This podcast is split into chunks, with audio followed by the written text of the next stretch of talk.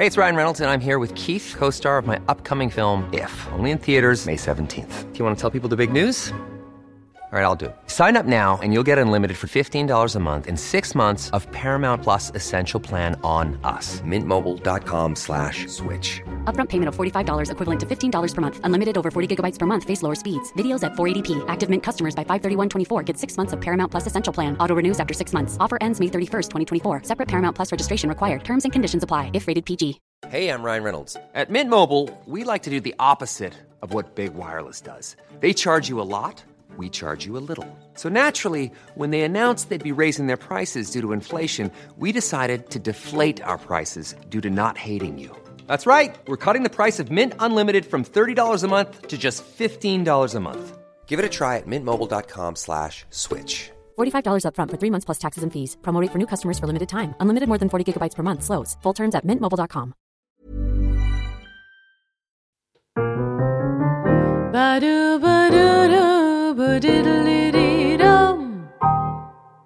Kära lyssnare, kollegor, älskare och vänner. Här är Burleskpodden med mig, Aurora Brännström, er burleska röst i eten. Vi sitter som vanligt på Custom Music Productions och det är Andreas Hedberg som vanligt som sköter ljudet och redigeringen. Jag sitter här med en fantastisk person. Det är Marilyn Kermas Mardot. Varmt välkommen hit. Tack snälla. Ja, vad härligt. Verkligen, äntligen. Ja, äntligen. det var ett tag sedan du bokade mig och nu, ja. nu är man här. Vad roligt. Ja, mm. superkul.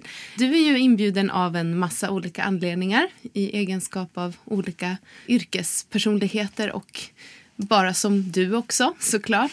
Eh, jag tänkte om du liksom själv vill beskriva vem du är, hur skulle det låta?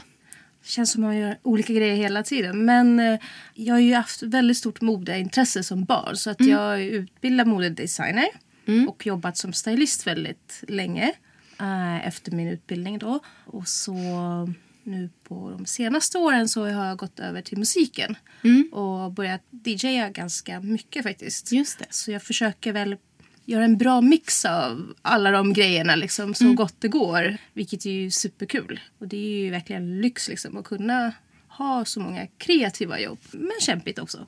Så ja. man får ju verkligen stå för sig och hitta sina jobb och sådär. Så det är inte som att gå till vanligt jobb där man vet att man kan gå varje dag till. Nej. Men jag trivs med det livet väldigt, väldigt bra. Mm. För det passar min personlighet. Mm. Mm. Just det, men så stylist har du varit ganska länge då? Ja, alltså jag, jag är född i Estland, flyttade hit som barn. Och, var det 2004 så flyttade jag tillbaka dit för att jag kom in mm. på en utbildning på mm. Konsthögskolan där. Och då har jag en kandidat i modedesign så jag studerar mm. modedesign. Och då började jag jobba vid sidan om av skolan som stylist. Mm. För det liksom gick lite hand i hand. Mm. Och det var superkul verkligen. Jag jobbade för visningar, tidningar, alltså lokalt då mm. äh, i Tallinn som äh, min skola var i. Så det var väl där som stylingen började. För det mm. gjorde jag egentligen inte i Sverige innan jag Nej. åkte härifrån. För då hade jag bestämt mig för att bli modedesigner. Det var mm. liksom det som var planen mm. okay. från början. Ja, just det.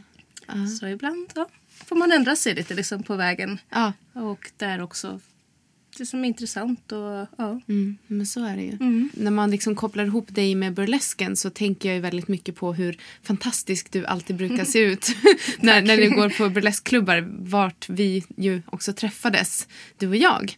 Vill du berätta lite om, om dina kreationer? Liksom? Vad, vad är det som du skapar? Till mig själv eller till andra? Ja, både och. Jag vill veta allt. alltså det började egentligen väl att jag började skapa till mig själv, alltså när jag var mm. yngre. Mm. För att eh, jag hade väl en vision. Liksom. Mm. Om man gick på någon fest eller, ja, eller hur man ville se ut och så kanske inte fanns de här grejerna. Så började man liksom Uh, man kanske på sig en vecka eller mindre. Så, ah, men jag vill se ut så här. Mm. Så började jag ju skapa grejer. Och då jag tror jag gjorde min första kollektion när jag var kanske 13-14. Ah, wow. Uh, var med i en talangjakt som jag vann i skolan då. Så kanske inte så här jätte så här, credit men ändå. Det var väldigt roligt. Nias talangjakt. Och då hade jag ju redan bestämt mig så att nu ska jag mm. göra det här. Och då jag kanske inte hade så många uppdrag precis. Jag gjorde väl det jag ville lite grann. Jag var ung liksom och det var väl mer till mig själv det jag ville liksom bära och kanske sytt upp någonting till mamma och så. Men det kommer väl senare då när man började, när man blev lite äldre och gått utbildningen att eh, folk började höra av sig. De ville ha kläder till något speciellt, kanske när de gifte sig eller de skulle på någon speciell premiär eller så. Så då fick man ju lite uppdrag. Jag har gjort till Ellegalan en gång en klänning och det var ju typ, sånt är ju superkul. För där får man ju verkligen vara kreativ för de människorna eller kunderna de beställer ju någonting för att synas. Ja. Och det är det jag gillar. Jag är inte så minimalism av mig eller så minimalistisk till inte riktigt min grej. Nej. Eh, Jag tycker det kan vara väldigt fint och de som, framförallt många svenska designers som jobbar liksom med enkla liksom linjer och snygga Mm. former. Och så här. Det är väldigt, väldigt fint men det är inte någonting för mig. Nej. Och det är därför jag inte själv heller köper riktigt svenska märken. Sorry guys. Eh, Till min man brukar jag köpa för han gillar ju klassiskt sådär och det ska bara vara liksom bra kvalitet och sitta bra och sådär. Men till mig själv så um, väljer jag ju lite, lite annat liksom. Det som syns och ja, jag vet inte. Men det som syns, då blir man ju väldigt nyfiken. Jag tänker för de som inte vet hur, din, det, hur det brukar se ut liksom när du stylar någon eller när du stylar dig själv. För, kan du ge något exempel på ungefär hur det kan se ut? Alltså själva kreativa processen det är ju så olika från gång till gång. Så det är liksom svårt att beskriva hur varje sak ser ut. Men jag har väl alltid haft, jag gillat ju stora former. Eh, kanske använda mig av konstiga material. Allt från starka färger till häftiga skärningar liksom på kläderna. Lite mer så här showstoppers. Det är så svårt att beskriva. Liksom, för, att- för, ja, som sagt, varje uppdrag är så olika från varandra. Eh, och när man har en, en artist eller en kund så pratar man lite igenom vad de vill och så kommer man med lite sina egna idéer. För när man går till en designer eller stylist då ska man ju inte komma 100% med klar idé. Så här vill jag vara. Nej. Utan man vill ju ändå ta hjälp av någon som har liksom ett, en annan tankesätt eller kreativ. Så kanske de har lite tankar ungefär. Liksom. Ja. Det är också bra för att det är svårt att, när någon som kommer, jag vet inte. Ja, ja gud ja. Då blir de oftast faktiskt lite besvikna i slutändan. För att om man ger helt fria händer och man inte har en kommunikation med någon så kan det bli lite fel. Just Då kanske det. den personen känner sig obekväm plötsligt. Så det är ju väldigt viktigt att man kommunicerar. Men, eh, åh gud, ska man ta några exempel? Jag fick äran att jobba med Leila K till Dennis Pop Awards som var för något år sedan. Där hon hade en liksom mini-comeback. Det var ju verkligen superkul att göra kläder till henne. Men det var också väldigt last minute, alltså sista minuten då. Och kanske tre dagar innan liksom, Oj. träffade jag henne. Ja. Och då skulle jag verkligen från... eh, så här, ja, jag visade henne lite bilder, vad jag hade mina idéer. Jag hade lite så asiatiska idéer, kommer jag ihåg. Och hon gillade verkligen den. Eller det var en av idéerna då. Och då tänkte jag, men då syr jag en kimono till henne. Men det var liksom i lite mer så här konstläder, latextyg. Och det var väldigt så här häftigt liksom på scen. Och, och den blev väldigt bra på henne. Och hon, hon var supercool i den verkligen. Ja. Men det var... Egentligen gillar jag inte att jobba så för att man måste sova också. Man det, kommer, det. det kommer med åldern. Alltså, alltså man är ju helt slut. Om man är uppe tre dagar. Det går inte när man var 20, när man var 20-årsåldern så kunde man ju vara uppe Ja. eh, mycket mer. Men det tar verkligen på allt. Hud och humör och etc. Ja. Liksom. Men ja, det var väl ett exempel kanske. Ja, ja men något jag ja, har gjort. ja. den här som du gjorde till Ellegalan, vad var det för någonting? Ja, det var, en, det var faktiskt en bekant som skulle gå. Och hon ville se cool ut. Eh, Hon hade också lite idéer. Hon ville ha någonting stort och mycket med tyll och så. Så det var väl den, liksom, det hon önskade. Och så gick vi och kollade på tyger. Det här var också fem dagar innan Ellegalan. Sista minuten och man blir så jättestressad. Eller typ så här, ja, man sover ju dåligt så när någonting ska bli klart så snabbt. Och jag, jag gör ju verkligen allt från grunden. Jag gör mina egna mönster, ritar upp första en idé och mönsterletar tyger. Och sen är det också, jag är väldigt petig. Alltså från tråd till hur blixtlåset ska vara och så här, sånt. Liksom, det ska bli perfekt. Lite perfektionist. Vilket kan vara bra men också dåligt liksom. För att man ibland så kan man jobba på hur länge som helst med en grej. Så man inte liksom blir kanske nöjd. Liksom. Nej, just Man det. så här, Men alltså det verkar vara med alla egentligen. När man kollar på så här dokumentärer om andra designers eh, som ska vara med i någon stor modevecka Ja. i Paris så eh, sitter de ju där bakom scen mot varandra. Ja. Sy på sista pärlan. Alltså det, verkar ju, det spelar ingen roll liksom Nej. hur stor eller liten man är. Utan Så, så är det nog bara med alla Ja. som är, har de här höga nivåerna. Liksom, så här ska det vara. Eller man vill bli alltid bättre liksom, Ja. på allting. Svårt att släppa taget, svårt att säga nu är det färdigt. Ja. Lite så. Ibland kan man ju känna det. Mm. Eh, men ja, oftast är det så att man jobbar in i det sista. spelar ingen roll hur mycket tid man har på sig. Mm. Nej. Så ibland kan nästan de här korta projekten vara liksom bättre för då hi- hinner man inte Ja. liksom grubbla på grejerna för mycket. Så här, mm, nej, vad ska jag göra nu? Utan man bara kör på. Ja. Och då, blir man ju, då får man ju verkligen lita på sin kreativitet. Liksom. Ja. Bara köra liksom, som ett tåg. Utan, Men jag hoppas verkligen att du inte alltid får så här bokningar fem, fyra dagar innan.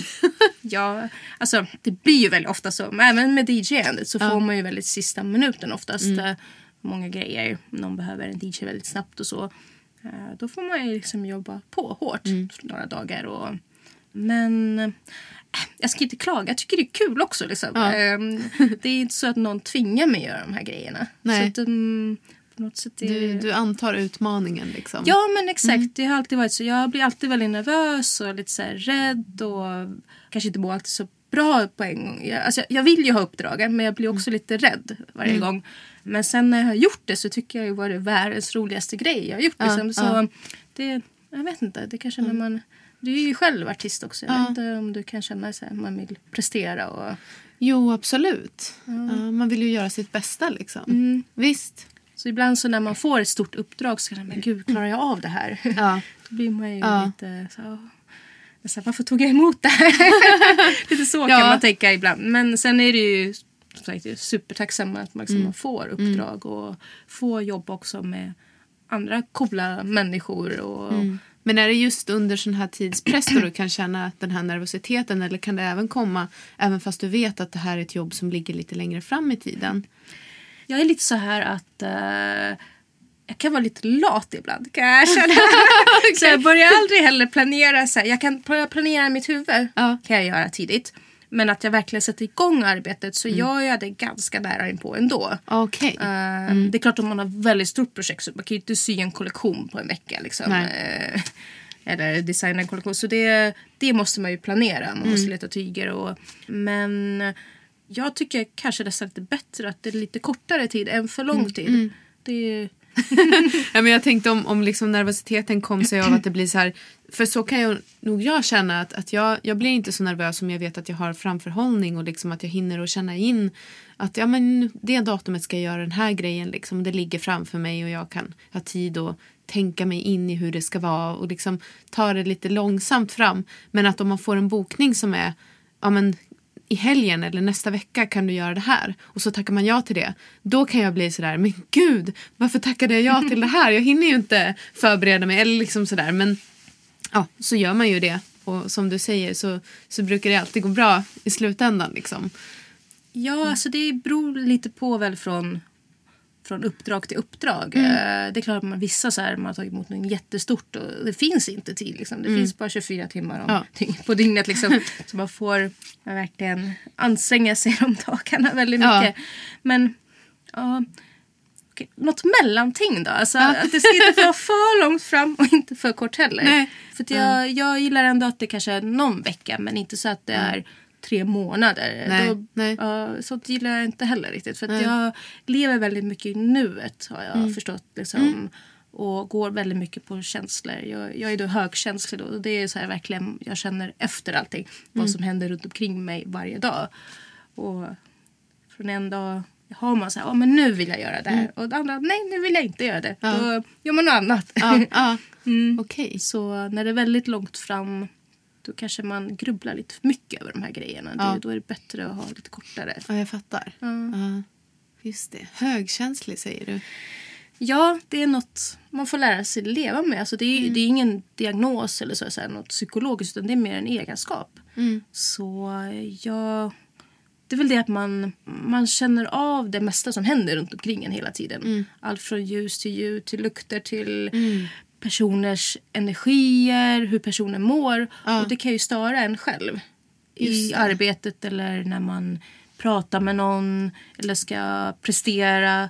Och man får lite liksom hitta verktyg på hur man liksom kan Mm. Ja. ha- handskas med det. För att ibland kan det bli jobbigt. Ja. För om man nu är på en scen och ska uppträda så kan jag ju liksom inte säga nej men nu vill jag inte. Nej. Mm. Utan då får jag försöka handskas med det på ett bra sätt. Eller, För att jag har väl någon gång fått lite så här panikångest. Inte när jag har uppträtt men innan kan jag Ja. få det. Lite så här, man får känna att hjärtat liksom börjar slå och man skakar väldigt mycket. Det är väl det också att jag övertänker kanske. Och sen för mig är också jätteviktigt hur det ser ut i rummet. Alltså det har Okej. jag med. det är någon konstig grej. Ja. De flesta inte tänker kanske på det, hur ljuset är eller Nej. var, hur då spelarna, mixen står. Alltså sånt är jätteviktigt för mig. Och det kan man ju inte liksom gå Mm. och säga. Nej, men hur ser det ut? Så här, skicka bilder. så jag brukar ofta googla lite grann. Aha. Eller ibland till och med har jag gått till ställen och fått kolla hur det ser ut. Ja. Mm. För att det ger mig ett lugn på något sätt. Jag, Det är någon konstig grej. där. Jag, jag vet inte. Jag vet inte bara. Kanske bara jag som är så. Ah, men, jag brukar, alltså när jag, jag är inte överkänslig på det viset, eller högkänslig kanske man ska säga. Exakt. Men däremot så kan jag ju känna igen det där med att, liksom, att man vill ta in rummet när man ska uppträda någonstans. Att man vill liksom veta vart man är och man vill veta vart publiken är och att man vill ha kontroll på situationen. Liksom. Och om det då är någonstans där, där jag inte har sjungit förut och man kommer upp första gången på en scen då brukar liksom första låten gå åt till för mig att så här, lära känna rummet. Jo men landa sätt. lite ja, liksom. Landa. Ja. Ja. Jo jag känner igen det där. 100 procent. Och se liksom, okej här står folk, de, de är liksom runt mig här och här, så här stor är scenen, Mm. här kommer ljuset och som du säger, liksom mycket sådär. Men det går, det går ändå ganska fort för mig att Jo men komma- exakt. ja. En, en par låtar för dig Ja. för mig mixar liksom. Ja. Så då är jag inne i det. Så då bryr jag mig inte så mycket längre. Nej. Men i början just det. Mm. är det lite, kanske kan vara lite jobbigt. Eller att man liksom eh, tappar lite koncentrationen. Eh. Men det, det brukar ju alltid gå bra. Liksom. Ja, ja. jag har inte haft någon där bara helt blivit helt kaos. För jag tror när man väl är där så koncentrerar man sig så himla. Mm. mycket på det man ska göra. Brukar gå bra. ja. Ska vi prata lite mer om, om dig som DJ? ja, okej. Ja, det är ju ditt, ditt nyaste eh, spår. Ja, det Ja. har blivit så. För det, det var liksom ingen tanke att jag skulle bli DJ. Alltså jag, Nej. jag har ju alltid, alltid haft väldigt stor kärlek till klubbmusik. Och Mm. Sen jag blev mm, myndig då, 18 år så började jag gå jättemycket på klubbar. Mycket på drum and bass-klubbar, houseklubbar. Uh, åkte till Estland för jag tyckte det var Mm. Ja. bättre där då ja. än i Stockholm. Kanske också att jag inte hade vänner som gillade det. Kan vara Ah. det som var grejen. För att jag, Ah, gick- jag just gick ut här i Stockholm så gick jag alltid själv. Aha. så, eller oftast. Jag fick ju med mig ibland kompisar. Men de... Det var mer så här, folk gillar att hänga på Söder och gå lite så här, mer så här hipster och sånt. Jag gillar ju att gå så här house och drum and bass. Det var ju helt annan liksom, stil. Så eh, jag älskade ju verkligen den musiken. Och så även, jag kommer ihåg när jag var liten också brukade jag lyssna mycket på 90-talsmusik. verkligen. Jag hade något som hette så Dynamite Dance som man köpte på vad var det? TV-shop. ja. och där var ju alla liksom, alla de här ja, 90-talshitsen och Mm. Ja. sånt. Och det, det, jag, jag inte, det har liksom nötts in på det sättet. Så jag har alltid haft så här, intresse för musik men jag har aldrig tänkt att jag ska börja hålla på själv med, med det då. Så det kom lite plötsligt. eh, För jag träffade min man eh, för cirka 7-8 år sedan. Och han hobby-DJade.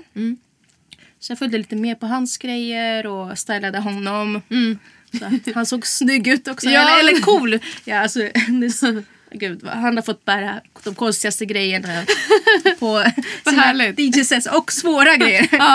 så här, så du får inte röra dig, du får stå så här när du spelar. Ja. men det har varit, det har varit kul. Eh, så, Det är fantastiskt ju. så jag var ju med väldigt mycket och bakom DJ-båset och, och på något sätt tror jag att folk kanske trodde att jag också spelade. Så jag Mm. fick en bokning tillsammans med honom från en bekant så, som bara "Ah, vill du och Marilyn spela här? Och då kom Stefan hem och sa men vi har fått en bokning. Jag bara jaha Mm. okej då, då är det väl dags att börja lära sig det här. Så jag hade ju inte, jag ska väl, jag hade inte en enda låt liksom, eh, digitalt. Jag hade väl någon Spotify-lista bara. Ja. Så att jag hade inte en enda låt. Så jag fick liksom börja samla musik. Jag fick lära mig det tekniska som var jättekul men gav mig också jättemycket ångest för att liksom, man ska bli duktig snabbt. Och så jämför man sig med andra också. Liksom, så här, varför kan inte jag spela så här ännu? Så det var ju en period som jag tyckte var lite det var läskigt. Liksom. Ja. För man inte... Jag vet inte, det är ungefär som kanske man springer och så vill man bli snabbare. Ja. Och det går bara inte. Liksom. Det tar emot. Så man, det finns ju en tid. Alltså, ingenting kommer av sig själv eller gratis. Det tar tid och man får öva. Sen har ju vissa mer talang och, och kan ja, så här, musiköra. Så här, Helt fantastiskt. Så här, genier verkligen. Som kan ta upp vilket instrument som helst och bara bli så här snabbt. Liksom. Oh. ja, de är inte De- många. Nej, men man, de blir man ju väldigt avundsjuk på. Ja, det är klart. Så här, Varför kan inte jag vara så? Nej, men, nej, men det har varit väldigt kul. Så nu, nu har jag ju spelat två år Mm. cirka. Och tycker det är su- superkul nu verkligen. Fortfarande lite nervös varje gång. Ja. Men det börjar liksom bli roligare och roligare. Ja. För jag tror nu känner jag mig mer bekväm och jag har också samlat ett ganska stort bibliotek. Ja, men din DJ-karriär har väl gått ganska spikrakt uppåt tycker jag. Alltså, jag, jag, jag har ju följt dig liksom och jag har sett att jäklar vad du har blivit bokad och, och så lägger du ut små klipp ibland och man hör liksom att den här tjejen, här har vi the star. Hon har Åh. koll på läget. Du är för snäll. Nej, Nej, det är sant. Nej men det har väl också varit en styrka jag haft att jag har verkligen tagit emot allt som har serverats. Ja. Alla jobb jag har sett, någon som kanske skriver, Facebook har ju varit Mm. fantastiskt på det sättet att eh, jag känner ju många som är bokare, DJs Mm. och, eller bekanta, de kanske inte alltid varit så nära kompisar så men i alla fall vet lite grann vad som händer i Stockholm. Eller visste då tillbaka om man tänker två år. Ja. Och man såg så här, ah, nu söker jag DJ. Jag tog emot allt som bara gick. Och väldigt så här, ibland stora grejer. Jag kommer ihåg mitt femte jobb var för festival. Alltså det kan man ju inte göra. Alltså det, jag, jag mådde så dåligt. Alltså jag, jag tror därmed... Nej men gud vad hemskt. Det var hemskt men jag gjorde det. Ja. Eh, jag tror så här, men jag tog emot alla utmaningar Ja. och verkligen pressat mig själv. För att jag kände att det här vill jag göra verkligen. Jag Ja. tyckte det var verkligen, jag tror jag får satsa på det här nu. Ja, vad tufft. Det är tufft och, och, och ja, intressant och kul. Ja. Eh, man utvecklas ju hela tiden också. Mm. Jag är absolut inte den bästa tekniskt liksom DJn i stan. Men jag tror ändå att jag har, jag har en cool stil och jag har liksom verkligen öra för musik. Liksom. Jag Mm. går väldigt mycket på mina egna känslor. Bara så här, Mm. här gillar jag. Det här får mig gå igång. Så det är ju självklart jätteviktigt att lyssna på publiken. Liksom. Det är, Jag spelar ju inte för mig själv utan jag spelar ju för dem som är där. ja. Så man måste ju vara kolla också vad folk gillar. Men, men om man blir bokad som house DJ så ska man ju kunna köra house. Och då kör man ju det man verkligen känner för och brinner för. Och det är ju de som oftast, giggen som blir oftast bäst. Sen ibland blir man ju bokad, jag spelar på något bröllop eller privata fester. Ja. Där får man ju liksom, ja men vi vill bara just lyssna på, jag vet inte, jazz eller... är inte så ofta jag spelar jazz då, men jag tycker äldre jazz har jag vissa coola liksom. Ja, ja. Ehm, men eh, då får man ju liksom, man får leta musik. Och jag tycker det är också faktiskt att man utvecklas. Ja. För Det finns så många olika stilar. Och musik är ju så brett. Mm. Jag tror de flesta stilarna har jag faktiskt ingenting emot. Vissa moderna grejer jag Ja. inte klarar av. Men så är det väl alltid tror jag. Så är det nog alltid. Ja. Elvis kom ut så var det så här, eh, de unga som lyssnade till Elvis, föräldrarna bara nej det här är hemskaste jag hört. nej, men, Ja, så ja. eh, Eller, eller typ Beatles eller ja. Men så här, där det hände någonting väldigt snabbt. En ny genre liksom, som bara kom plötsligt från ingenstans. Så är folk kan den äldre generationen vara emot det. Men jag, jag är ändå inte så gammal. Men jag, jag lyssnar väldigt mycket på det kreativa. Liksom. Eh, Jag kan också uppskatta en, en, en DJ eller artist som kör en musikstil som jag inte gillar alls. Men jag ser att den personen är väldigt tekniskt bra. Så kan jag ju ändå liksom lyssna Ja. lite grann på det och säga men vad coolt liksom. Men sen lyssnar jag inte på den typen av musik kanske Nej. själv. ja, just det. Eh, ja. Men du tar alla möjliga typer av bokningar nu. Så det beror på det. För nu har jag ju börjat lite selektera så här, vad, jag, vad jag själv vill också. Ja. Alltså det är en svår bransch. Det är så många som är DJs. Alltså när det, när det blev digitalt så är det ju jättemånga DJs. Alltså det, är, det är mycket lättare att samla musik och det blir ju också tekniskt lättare med många, många grejer. Och man, Det beror på hur man vill spela. Det finns ju massa hjälpmedel också. Jag försöker inte använda mig så mycket av dem. För att eh, jag tror man har, får ett man blir bättre om man lyssnar än, Mm. än att man, att man spelar, eller DJar med ögonen. Liksom. Jag försöker, men man blir lite lat själv ibland också. För att när man spelar på de bästa, nyaste spelarna så är det enkelt att man liksom kollar för mycket på vissa saker. Men början så tog jag emot det mesta, allt liksom som gick eh, om det inte var så att jag skulle spela jag vet inte, hårdrock. Det, alltså, det, är- jag, jag, har ing, jag har inte intresse för det. Sen, eller någon annan, annan liksom, musikstil som kanske inte jag tycker är kul att spela. Så eh, jag tog emot det mesta men nu har jag ju liksom börjat liksom lite lite mer hitta mig själv i vad jag gillar verkligen. Ja. Det var väldigt svårt i början. Eh, För jag kände så här, ah, men jag gillar funk, jag gillar jazz, jag gillar disco, jag gillar house. Är det deep house jag ska köra? Är, är det, eh, Eller är det sån house jag ska köra? Alltså det, var, alltså det finns ju så många genrer också i house så att jag var så jätteförvirrad. Ja. För att folk frågade, oftast vill de ju boken ha en liten beskrivning. Liksom, Mm. "Ja, men vad spelar du? Och så visste jag alltså man kan ju inte ha alla stilar heller för det låter ju så himla flummigt. Och jag gör allt. Ja. Jag vill ju inte vara liksom en, en hit-DJ. Alltså det, det är någonting jag inte... Det tar jag däremot inte aldrig emot. Om Nej. moderna hits, det kör Nej, jag okej. inte. Nej, no no för mig. Jag tycker inte att det är kul. Jag, jag måste ju ändå tycka att det är roligt det jag gör. Till viss mån då. Ja. Men ehm, nu har jag ju hittat så att jag, jag har ju liksom bestämt nu ska jag köra tech house. Det är den stilen jag gillar mest. Okej. Och Ja. jag blandar in lite. Jag är också väldigt inspirerad av äldre house som 80-90-tal. House eller dance. Då. Så jag kan blanda in lite det men kanske lite nya remixar på grejer så att det passar lite bättre.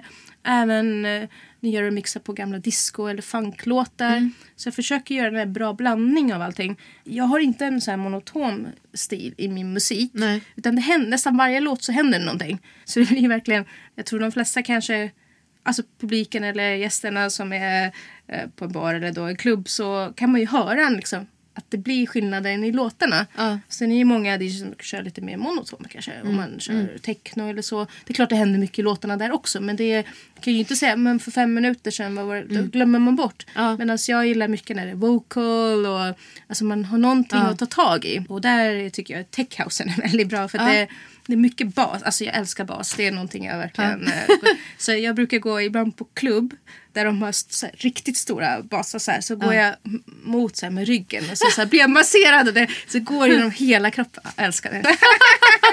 Det Vad rolig du är. ja, men det, jag är lite konstig. Det är underbart.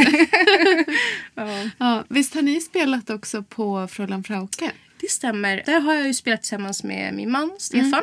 Vår duo då som vi kör. Ett par gånger tror jag det. Ja, borde det ha varit nu. Han har kört en gång också med sina... Han har en trio också med två andra Just killar. Ja. Så de har kört också separat en gång. Dit jag stylade dem då förstås. Ja, jag kommer ihåg den stylingen. Den var ju helt fantastisk med de här ballongerna på huvudet som de hade. Alltså, Bara gud, som ett exempel på din stil också. ja, nej, men jag, ehm, de, de bytte faktiskt om. För det var ju, Ja. Först var det ju i början.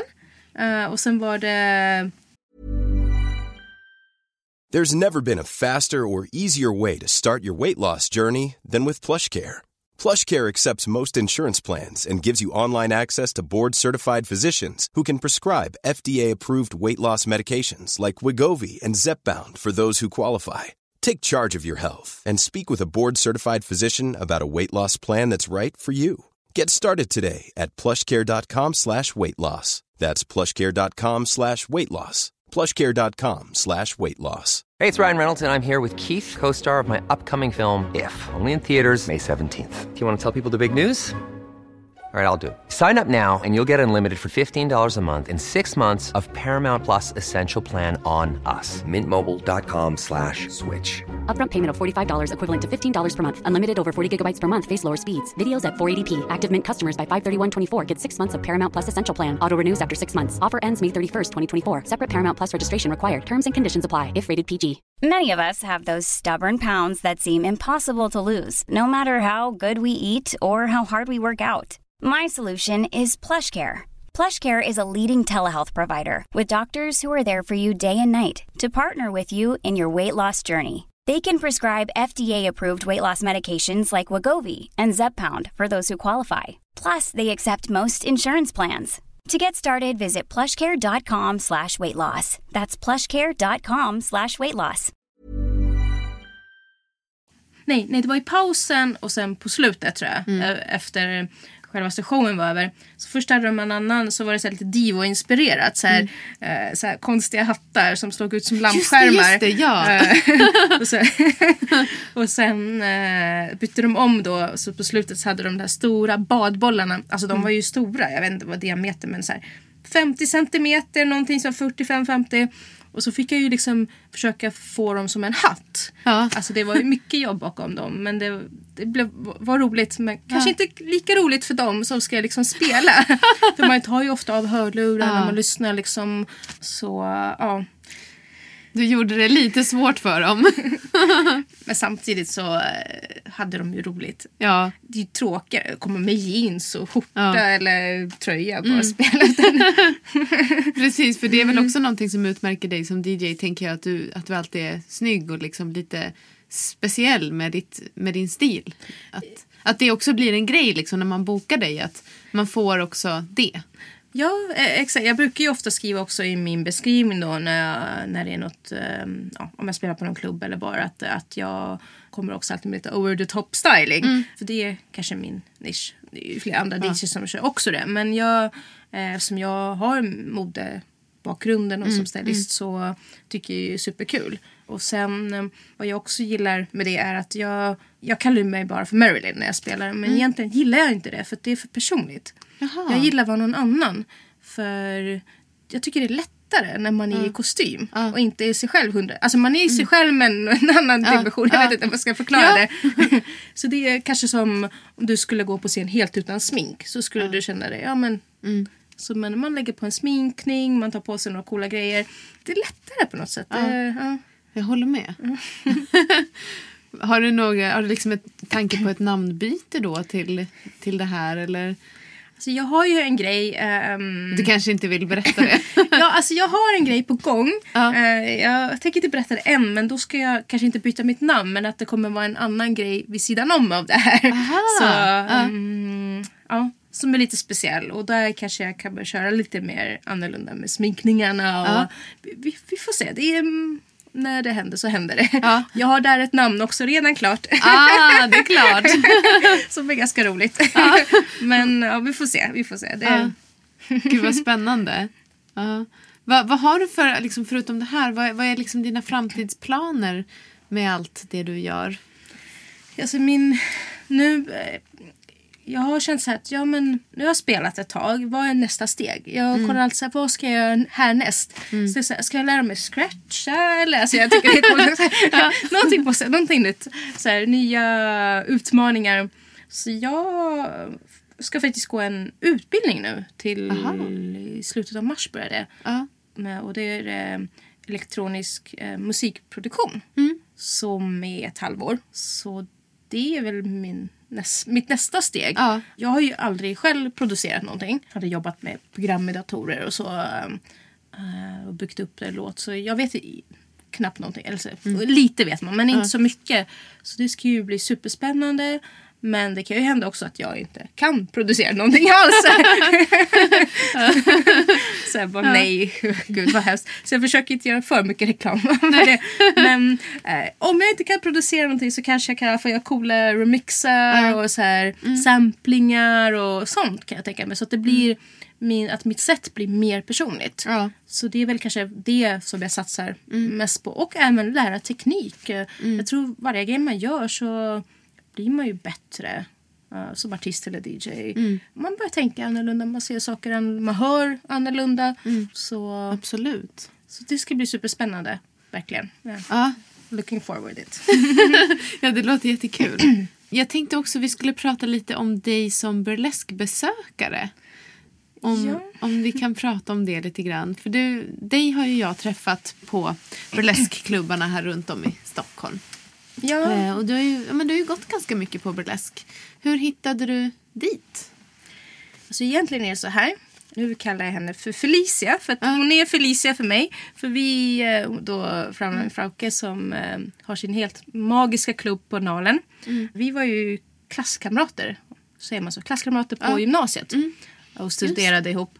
Det var ju innan hennes karriär. Så um, det var väl hon lite grann som gjorde så att jag gick på en klubb mm. första gången. Och det här var ändå ganska början av hennes karriär. Uh, jag har för mig att hon inte hade sin stora liksom, Frauke Presents på Nalen ännu.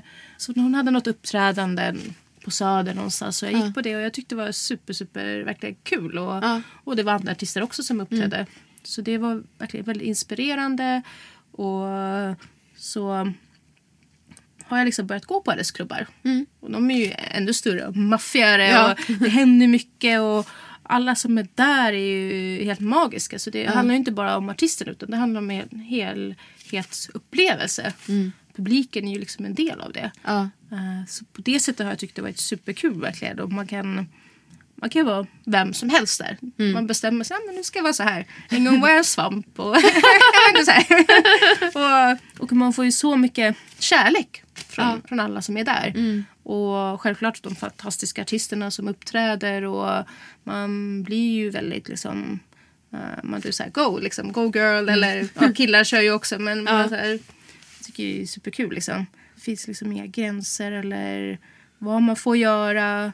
Ja, det viktigaste att folk ska ha roligt där, tror jag. Mm.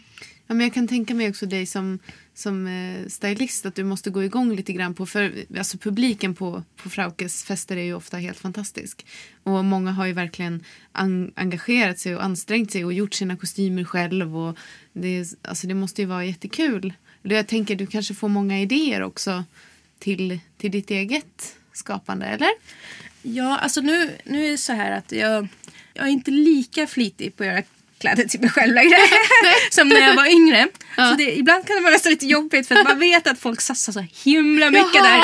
Så det spelar ingen om man gör lite halvdant så blir det liksom... ja, ja. så det har varit lite olika. Ibland har jag, jag verkligen satsat all in och även, jag brukar ju gå tillsammans med min man Stefan då så brukar jag väl göra att vi eh, matchar varandra på något sätt. Liksom. det är väl det som är det roliga tycker jag. Att man är ihop, eh, går ihop på de här festerna och Ja. att vi båda är svampar. Liksom. det är inte bara en svamp, det är två svampar. Ja, det är och, eh, fantastiskt. folk hatade mig på den festen för att de bad mig ta av min hatt. Och jag bara, nej men nej, jag har tagit. Den var så stor Ja, och de ja. kunde inte se showen. Nej! Jag blev nästan lite sur. Så här, nej men det kan man väl inte säga. Du går inte säga till att ta av din peruk liksom. nej men jag förstår, den var väldigt stor och vi stod nästan längst fram och kollade också. Men ehm, det är klart man ins- inspirerad av eh, Kanske inte så här av, av att ja, men jag ska ta den här stilen och göra någonting. Men mer av att det går att göra så mycket. Att, att, av kreativ- kreativiteten, det är det man blir ja. inspirerad av. Ja. Och alltså, det är ju helt magiska outfits som vissa... Det känns som att de lägger nästan ner en hel månad och en hel månadslön på grejerna. Så det jag blir förvånad. Ja. Åh gud! Ja, ja, men vissa är ju helt och det är galet liksom. Ja, och det är ju helt fantastiskt. Liksom. Så det är de, de som verkligen orkar gå all in, det är liksom cred för dem verkligen.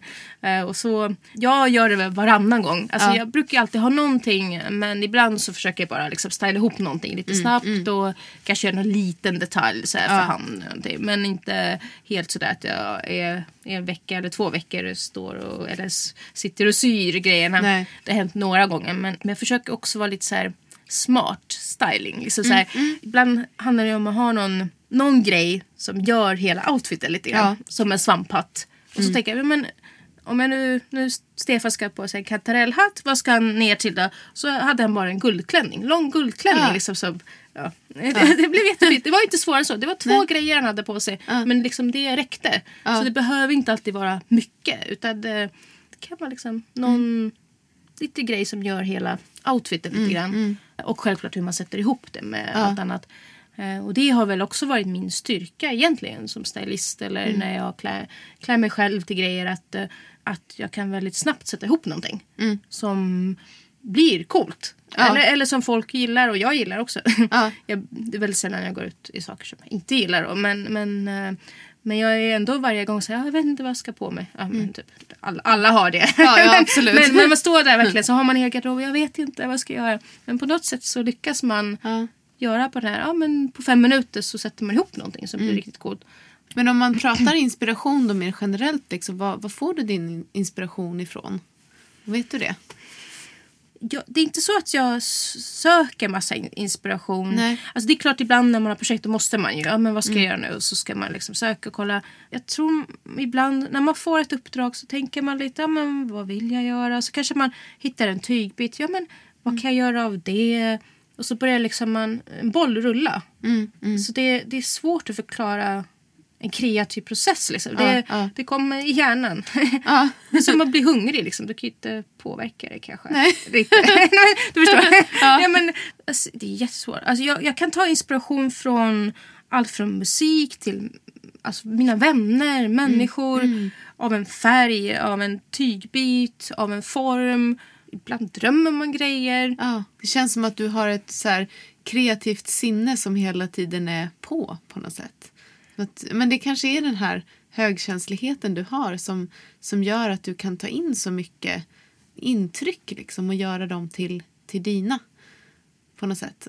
Förstår du vad jag menar? Att du har liksom lite så här känselspröten ute och bara, ja ah, men det här och det här. Exakt, ja. Här kan jag hitta någonting som är intressant och att som jag, om jag förstår det rätt nu så är Mhm. inte det liksom några specifika saker utan det blir i stunden Exakt. det här som Mm. blir viktigt liksom. Eh, För att du känner mycket för det då. Det stämmer nog faktiskt. eh, Att man börjar liksom leta.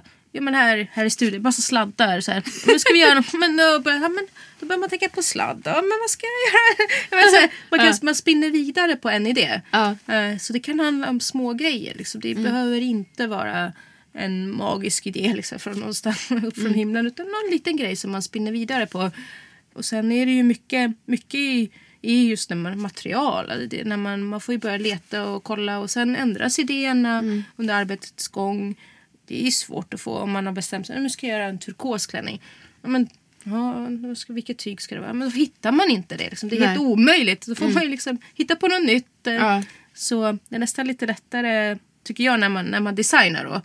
Att man nästan har tyget först. Okej, ja. Ja, för eh, det var som när jag berättade om det här med när Leila Kay skulle uppträda. Då hade jag faktiskt den här lite så här konstläder, lackläder är det, konstlackläder. Ett tyg som jag köpte i Paris 20 år sedan. Och Okej. den bara legat på hyllan. Ja. Inte vetat vad jag ska göra med den men jag tyckte den såg cool ut. Ja. Det var någon så här, en sista bit på fyra meter eller någonting som låg i någon hög. Som jag kommer ihåg jag tog med. Jag var 18, ja, men, nej, ja, 18 var jag fick Parisresan när jag fyllde 18. Så den var så länge liksom, med mig. Jag, jag har flyttat så 15 gånger. Jag har liksom varit i Estland ett tag, tillbaka till Sverige. Och så blev det plötsligt så här, men nu ska jag göra en kimono till Leila. Och så har jag det här tyget. Det här är ju helt perfekt. Ja. Så, så kan det ju vara liksom, så får man liksom inspiration från en tygbit. Liksom. Men gud vad fantastiskt att du hade sparat det där tyget i alla dessa år. Ja, jag, jag försöker, um, man ska ju inte heller... Problematiska när man har för många grejer så sparar man ju liksom, man bygger på Ja. en hög. Och så står det och så börjar man ha lådor och då ser man ju inte. Nej. Så jag försöker faktiskt eh, få lite mer ordning i min ateljé så att det blir lite lättare för att jag glömmer bort vad jag har. Ja. Och då ligger de ju bara där. Man vet ju inte att det är kanske någon som ska städa efter en när man har dött liksom. Eller någonting. så man hemskt att tänka. Men Ja. förhoppningsvis långt i framtiden. Men ändå. Man, därför är det bra att göra det så här, storstädningar. Eller som när vi fick en vattenskada. Sjukt jobbigt. men, men jag fick ju gå igenom allting. Ja. Och det var ju verk- verkligen en skön grej att göra. Så att man Ja. gick ju, man samlar på sig så mycket. Och där också där, vi pratade ju om de här outfitsen och så till Fraukes klubb. Är att, eh, att vad ska man ha dem sen? så Ja. Därför jag inte heller försöker göra för komplicerade saker alltid. Och det, där- den här Har du kvar svamparna? Ena har jag. Den här andra mm, hyrde jag faktiskt från var SVTs förra året. Jag vet inte vilka, vilka tv-program. Den var jättecool. Men den, den ena mm, köpte jag från um, den har faktiskt varit i NKs skyltfönster. Eh, de brukar ju aldrig, de som gör, de är helt magiska de som gör deras skyltfönster. Ja. Alltid Joanne Tam Studio tror jag att de heter. De gör ju alla stora märken och så. Så de hade för första gången utförsäljning på sina grejer. De hade inte plats längre. Så jag köpte ett par coola grejer därifrån. Eh, som jag inte får använda då i modeplåtningar och så. För att det, Ja, ja. Mm, Ja. i sånt syfte. Men privat får jag ju ha på mig dem. så den ena hatten är kvar. Roligt. tar sjukt mycket plats men så är det. Den får väl användning någon gång. kan jag tänka mig. Ja, fantastiskt. Är det någonting så här, som du själv har tänkt när du kom hit att du gärna skulle vilja prata om med mig? Jag har säkert andra sidor också.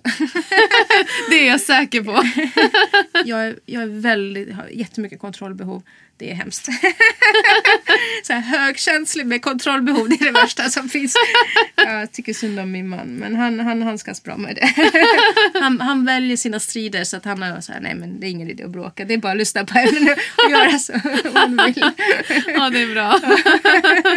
Så det har jag väl. Men ja, jag vet inte. Jag, jag, jag har väldigt svårt att tappa kontrollen. Det, ehm, eller jag, är, jag tror det jag har svårt för är just ehm, förändringar. Jag tror jag är så typiskt som kallas för orkidébarn.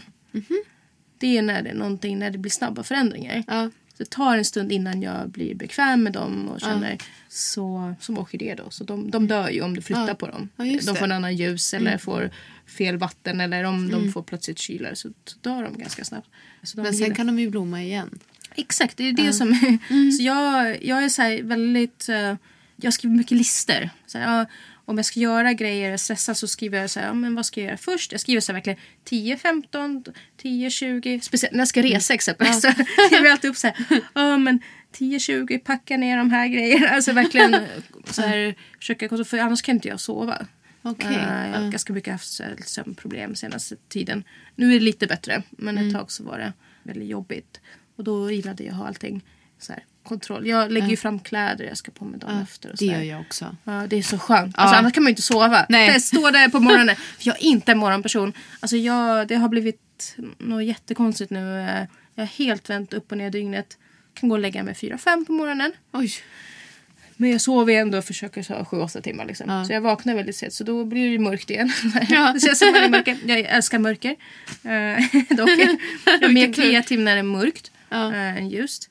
Därav kanske passar mig att faktiskt jobba som DJ. För att det är ju Mm. Kvällar för det mesta. Ja. Så det är ju, funkar väldigt bra.